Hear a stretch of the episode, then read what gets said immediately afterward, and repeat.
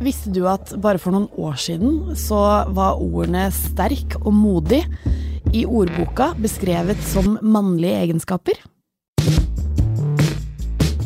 Har du en bror? Har du tenkt på hvordan komplimentene dere har fått i oppveksten, og ordene som har blitt brukt for å beskrive dere, har vært forskjellige? Jenter får f.eks. veldig mye oftere komplimenter på utseende, mens gutter får komplimenter for ferdigheter. Og allerede fra seksårsalderen så ser jenter på gutter som det sterkere kjønn. Hvorfor er det sånn, og hva kan vi gjøre med det?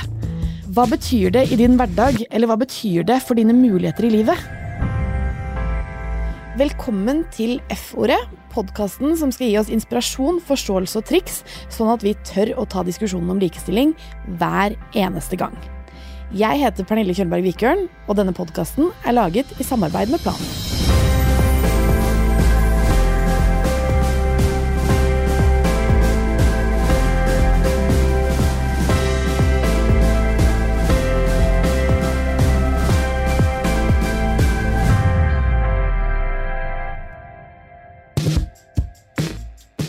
I denne episoden skal vi snakke om hvordan mennesker er formet av ord. Og det skal vi gjøre med bl.a. Nordens ledende forsker på likestilling, Kristina Henkel. At det finnes jättemycket i vårt språk som også er, kodet. At vi sier ulike til jenter og gutter, men oftest tenker vi ikke på det. Vi får også besøk av Vegard TH Olsen, som har skrevet en ganske sånn hva skal vi kalle det, hard kronikk om hvordan han syns det er vanskelig å være mann i dagens samfunn. Hvorfor skal jeg gråte? Hva, hva er det for noe, liksom? Det, ikke, det, ligger ikke like latent for gutter. Og vi får også besøk av Live Nelvik, som har tatt ganske bevisste valg i ordene og måten hun prater til sine egne barn. Så er jeg veldig nøye med å rette opp sånn, for de kan si sånn 'pappa er sterkere enn deg', og da sier jeg sånn Ja, men det er bare i forhold til kroppsvekt.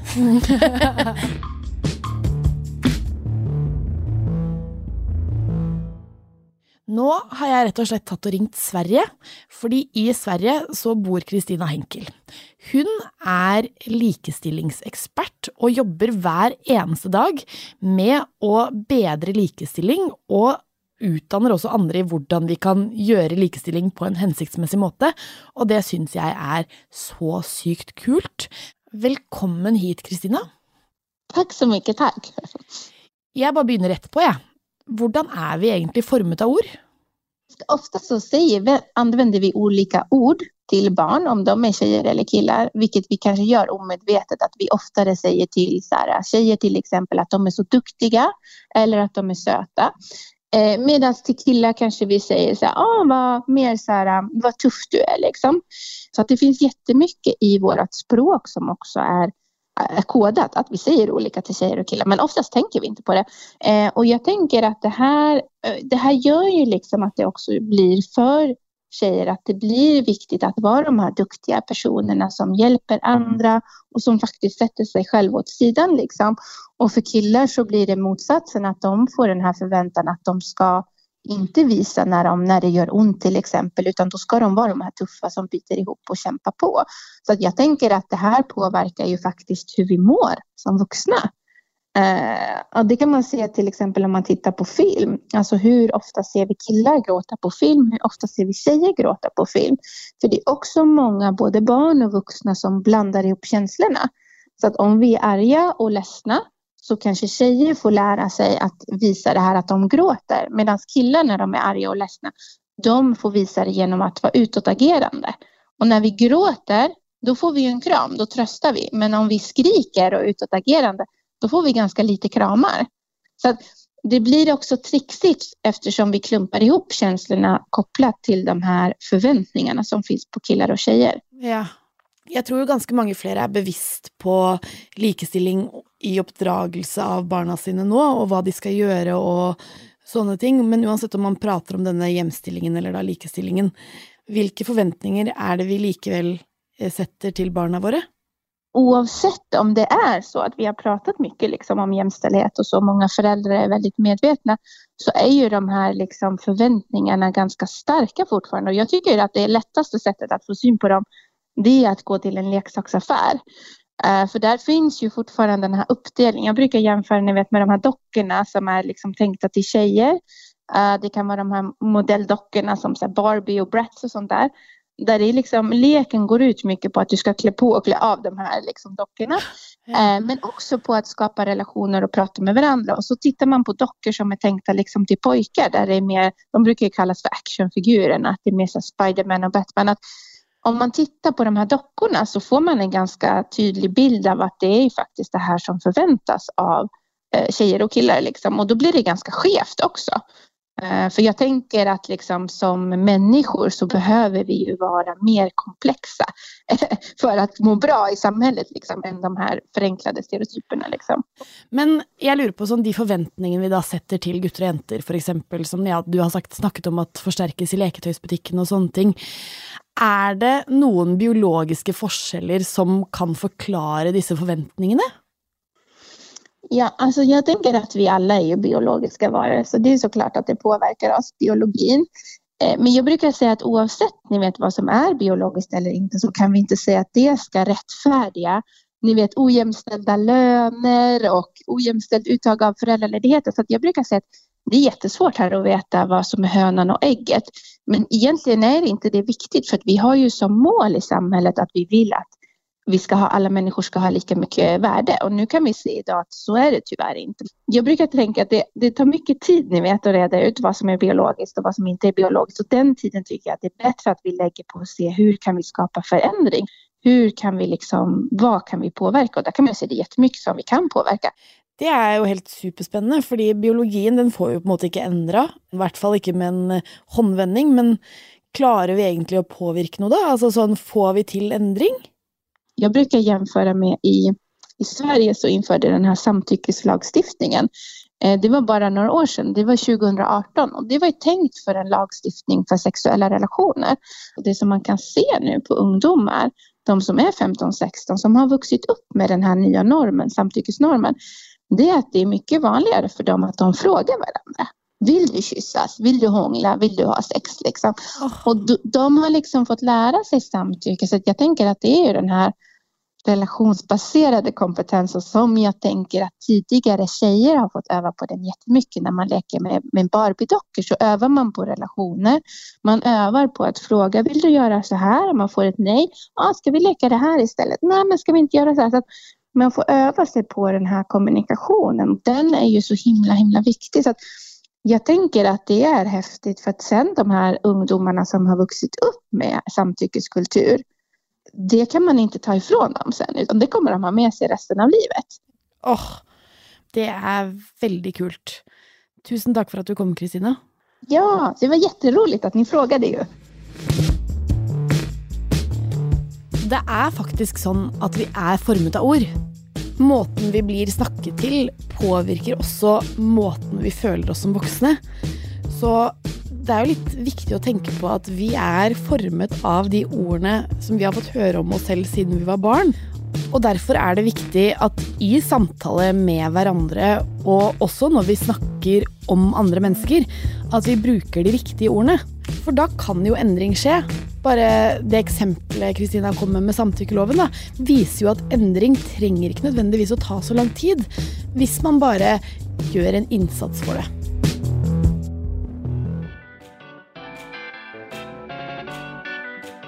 Noen syns jo at ting var litt bedre og kanskje enklere å forholde seg til før.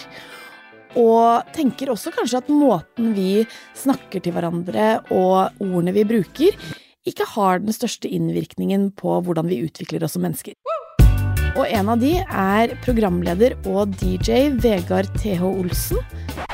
Og jeg lurer på, kan det faktisk hende at han er litt mer påvirket av ordene han har fått høre enn han selv tror? Vegard, i et eh, debattinnlegg du skrev høsten 2022, så skriver du blant annet Hvorfor i helvete måtte dere begynne med alt dette likestillingspisset, pridesølet og følsomme menn-dritten akkurat når jeg skulle bli voksen? Hva legger du i det? Det er um, Det er åpenbart litt ironi i det, men jeg mener det 100% Det hadde jo vært veldig mye enklere for meg å vært født eh, når min far ble født. Ja, hvorfor det? Nei, altså da var det jo liksom klare linjer på hva en mann var. Da brukte man sånne uttrykk som slekter skal følge slekters gang, og som far så sønn, og kan ikke si det nå, ikke sant. Nå er det jo som min far er jo helt utdatert som forbilde for meg. Når jeg vokste opp, så skjønte jeg det. Når jeg var liten, så skjønte jeg jo ikke det, for da hadde jeg jo gleden av liksom å vokse opp med en mor som var hjemme, og en far som var på jobb, og alt var, det var veldig tydelig. Ja. Og sånn hadde det vært også generasjonen før, og det var egentlig bare å bli voksen og tre inn i de rollene. Ikke sant? Ja. Men hva fikk du høre om deg selv da du var liten? Hva tenkte du at det var viktig å være som gutt, mann? Ingenting. Ingenting? Men er du sikker på det, eller tror du ikke liksom at alle er litt formet av de ordene vi har fått høre?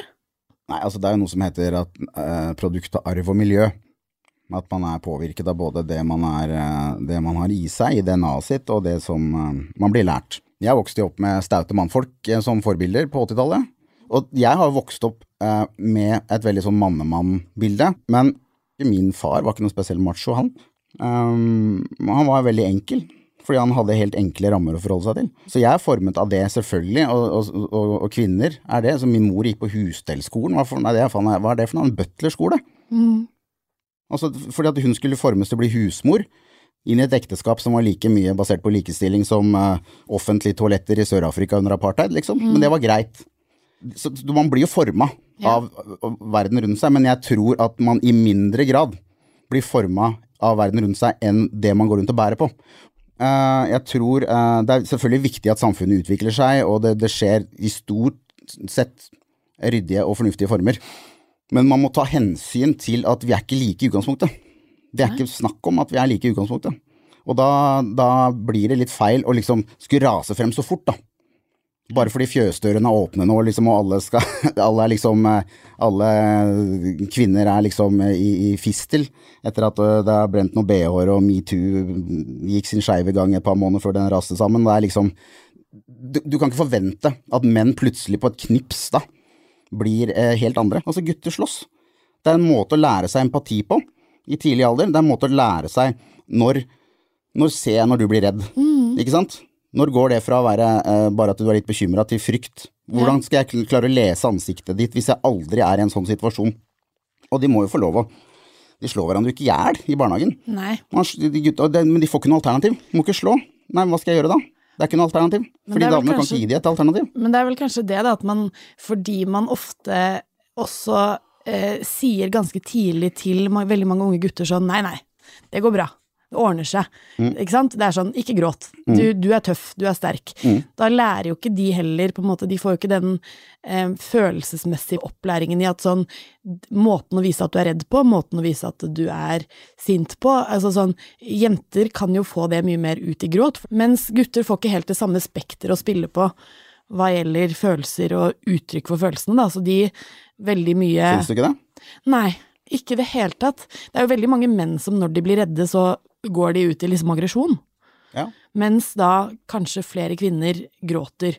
Og hvis du hadde ikke på en måte fått kuet den gråten tidlig, at du ikke hadde fått beskjed om at det var feil, eller det var feminint, eller det var ikke gråt, på en måte, så hadde du kanskje hatt et litt mer spekter å eh, spille på hva gjelder følelser, da. Jeg følger eh, sporet ditt der.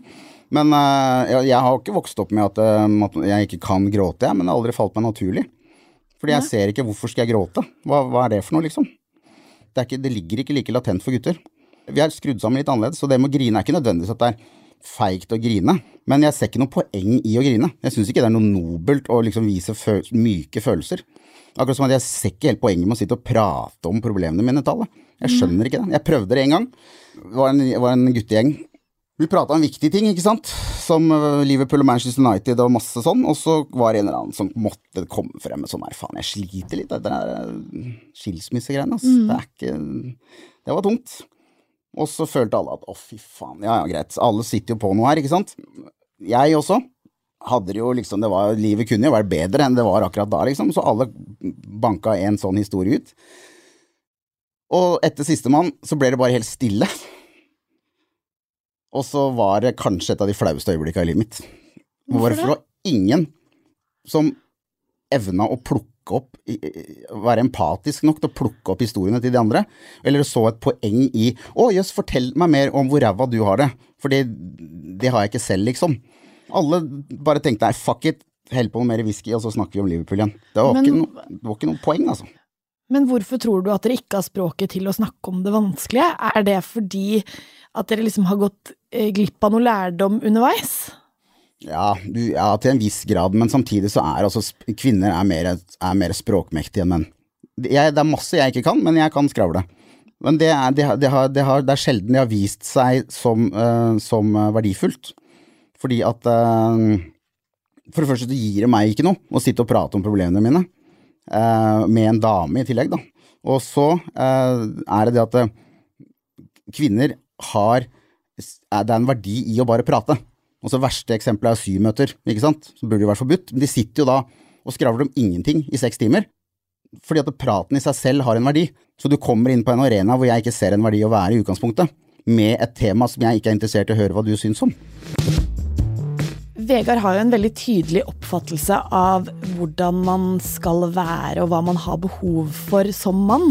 Og det er jo akkurat som Christina Henkel sa, at ord som blir brukt gjør at vi underbevisst oppfører oss og er på en spesifikk måte. Og bare det f.eks. at han syns at gråting ikke har noe effekt, det tyder jo kanskje på at han er litt mer formet av ord enn det han selv tror.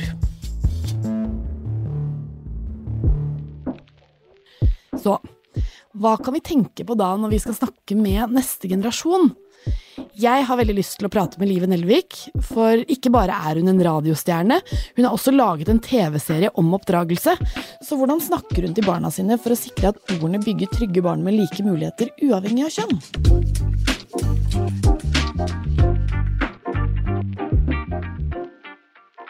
Velkommen skal du være til F-ordet, Live Nelvik. Tusen takk. Hva er du bevisst på når du prater til dine egne barn? Nei, som um, forelder av 2023, så er jo det ordet flink er jo blitt et slags fyord. Ja. Det er jo veldig lett å si sånn, så flink du er. Prøv å bruke liksom andre ord enn flink. Um, men de ordene det går mest i, som jeg er litt sånn bevisst på, og fordi jeg syns det stemmer overens med dem, da, er kul, smart og morsom. Holder meg litt sånn bevisst unna vakker, for eksempel. Ja. Som jeg jo syns er et helt tomt ord å servere barn. Ja, Nydelig yndig. Ja, yndig, den er gøy. Å, den er så yndig. Nei, den håper jeg døde på 50-tallet eller Det noe. håper jeg jo egentlig. Men det er jo litt gøy, eller det faktisk leste jeg en artikkel om, at eh, man, eh, mange av de som er oppdratt i liksom Gen Z, Mm. eh, har veldig høy selvtillit, men veldig lav selvfølelse fordi de har hørt veldig mye at de er kjempeflinke. Ja. Men de har ikke, men de har ikke fått høre at de er liksom flinke til X. Så man kan, det er helt greit å gi liksom Jeg er dødsflink, på men til hva? Ja, for det er helt Mm. greit å liksom gi komplimenter på sånn Live, du er dødsflink til å snakke på radio. Ja. Det er jo et spesifikt eh, Ja, men det er jo et spesifikt på en måte Ja, ja. kompliment Mm. versus så flink du er. For det blir jo tomt, på en måte. Det der kaster jeg bare ut når, hvis de rydder av bordet. Det var bra. Ai gud, det er konsekvensen av du er så flink. Kastet ut i luften, ja. Men du har jo valgt da kul, smart, morsom, både fordi barna dine er kul, smart Ja. og morsom, morsomme. Hvorfor er du så bevisst på det? Det er jo bare for at de skal basere selvfølelsen sin på andre ting enn utseende, da. Og så er jeg veldig nøye med å rette opp sånn, for de kan si sånn 'pappa er sterkere enn deg', og da sier jeg sånn ja, men det er bare i forhold til kroppsvekt. Han er mye større enn meg, men jeg er like sterk som pappa. Så jeg prøver liksom hele tiden å ja, balanse Alle de der gutter er Da blir jeg sånn nei, men vi er jo også Jeg drar det alltid opp Ja. hvis det dukker opp. Du har ikke tenkt over nødvendigvis at du da sier sånn nei, vi er like sterke, det er bare Ja, ja. Nei, det, liksom. mm. Det har du ikke tenkt over. Men det er mye, egoet mitt òg, Ja, ja, Jeg vil ikke at uh, Pappa er jo Jeg er like sterk som pappa, jeg. Vi trener jo like mye. Få se, Tore. Ta noen pushups, skal jeg vise. Mm. Nei. Men um, for å si du er kul, smart og morsom, er Mm. for meg helt sånn en selvfølgelighet, på en måte, i valg av ord, da. Og så finnes det jo mange andre kule ord man kan bruke også, men spørsmålet mitt går heller til de som eh, bruker ordet nydelig og vakker og ven og ja, kanskje til og med yndig. Altså, men hva skal barn med de ordene? Og hva slags form er det du støper de inn i da? Det er jo en form med kjole med tyll og krone på hodet, liksom. Men Live, kjenner du i dag at eh, du skal passe inn i en bås basert på liksom kjønnet ditt? At du er kvinne? Nei, jeg gjør egentlig ikke det, og det håper jeg kan være litt sånn eh, inspirerende for andre å høre. At man kan på en måte Jeg vet ikke om det er et valg jeg har tatt, eller om det bare faller meg naturlig. Mm. Um, om det er bevisst eller ubevisst. Men jeg bare møter alle situasjoner i livet som meg. Uh, og det er jo derfor jeg også får sjokk når livet uh, nettopp viser meg bare sånn Men du er jo kvinne, og da blir jeg helt sånn hæ? Men uh, Nei, jeg tror også at hvis man, hvis man går rundt og møter verden med seg selv i bås, i bås kvinne, så har jo du egentlig satt deg selv i bås. Er, Mm. det er jo veldig, en veldig Jeg tenker at man helst burde møte verden fri, og Mm. heller ta de overraskelsene som kommer. For hvis vi skal bli kvitt båser, så kan vi jo Mm. ikke selv gå rundt i bås. Nei. Ja, det er jo et veldig godt poeng, og det hadde jo vært innmari deilig hvis ingen av oss følte at vi var båset inne ut fra hvilket kjønn vi er, eller eh, hvilke forventninger vi setter til oss selv ut fra hva vi har fått høre oss om, om oss selv. Sånn type hvilke ord vi da er formet av. Så hva kan vi si, da? Noe råd og tips til unge mennesker, eksempel gutten som ikke tør å vise følelser, eller jenta som ikke vil rekke opp hånda, eller føler hun må ta på seg omsorgsoppgaver. Hva kan vi si til de? Ok, da må jeg si til, til deg, gutt, eh, som eh, da kanskje har masse følelser på innsiden, men føler at du må være tøff, så må jeg bare si at de For det første, følelser er jo ikke farlige. Følelser Alle har masse følelser inni seg, og bare de smarteste folka tør å vise dem. Eh, og så er jo de guttene med, som tør å vise den myke, den mykheten inni seg, det er jo de absolutt fineste guttene. Og mest interessante. En sånn tøff vegg av et menneske, det er ikke så veldig interessant. Nei. Hva vil du si til jenta, da? Kan jeg prøve å oversette noe jeg akkurat hørte i en podkast som var helt amazing? Ja. Det fins en uh, kjempekjent forretningsmann som heter Warren Buffett, en av verdens rikeste menn. Veldig, veldig smart. Han leser fem timer om dagen. Så Men han er jo så rik at han har en privatjetsjåfør, hva heter det, pilot. Ja. Og så hadde privatjetpiloten gått til Warren Buffett og sagt hvordan kan jeg nå målene mine, hvordan skal jeg prioritere?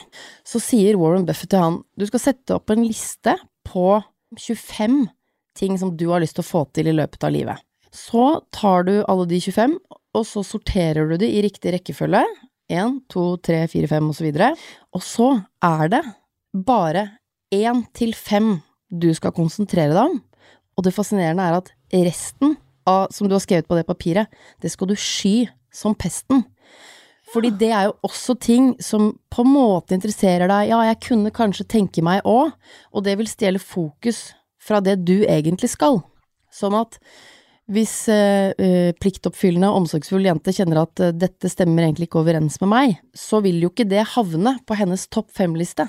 Så neste gang noen spør deg om noe, eh, kunne tenke deg å gjøre det, så kjenner du, stemmer det overens med mine sånn fem retninger i livet? Finnes det en forgreining som leder opp til det? Nei, det gjør det ikke. Da gjør jeg det ikke. Jeg syns dette tipset her er så godt at jeg bare lar det bli siste ord, jeg. Rått.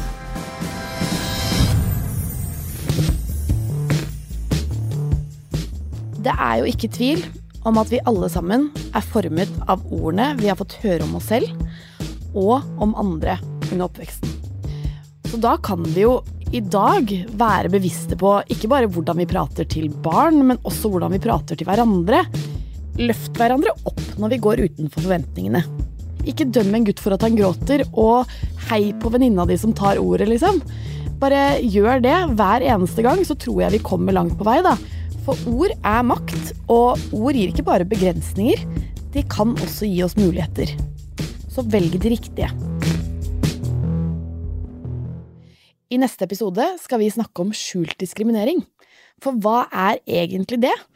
Og blir du diskriminert uten at du kanskje er klar over det? Du har hørt på F-ordet. Mitt navn er Pernille Kjølberg Vikørn, og dette er en podkast i samarbeid med Plan.